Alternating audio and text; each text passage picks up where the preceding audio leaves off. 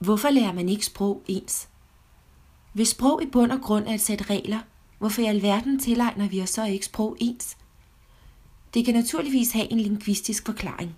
Når to personer starter som nybegyndere til italiensk, præsenteres de for regler og elementer, der udgør deres deklarative viden om italiensk, deres viden om sproget.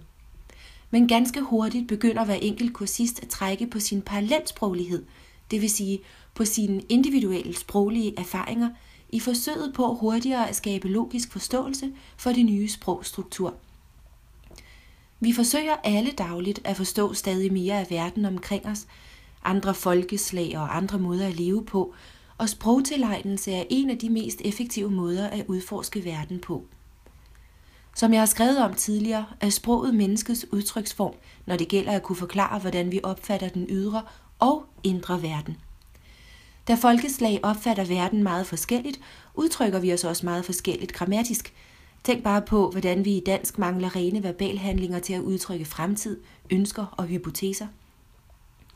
Den gode sproglærer underviser ikke kun i grammatisk kompetence, den deklarative viden, men i sin viden om landet og i sine sociokulturelle indsigter.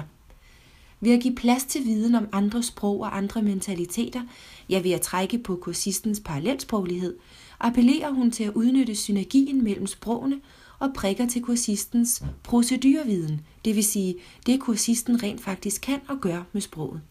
Hun aktiverer en allerede eksisterende viden om sprogsystemer og skaber genveje i indlæringen af det nye sprog, også kaldet translanguaging. At bygge bro mellem det kendte og det nye, mellem sprog, man lærer tidligere og senere i livet. Især sprog fra samme sprogstamme er ideelle brobyggersprog. Hver enkelt kursist bliver således ganske tidligt i forløbet sprogligt bevidstgjort.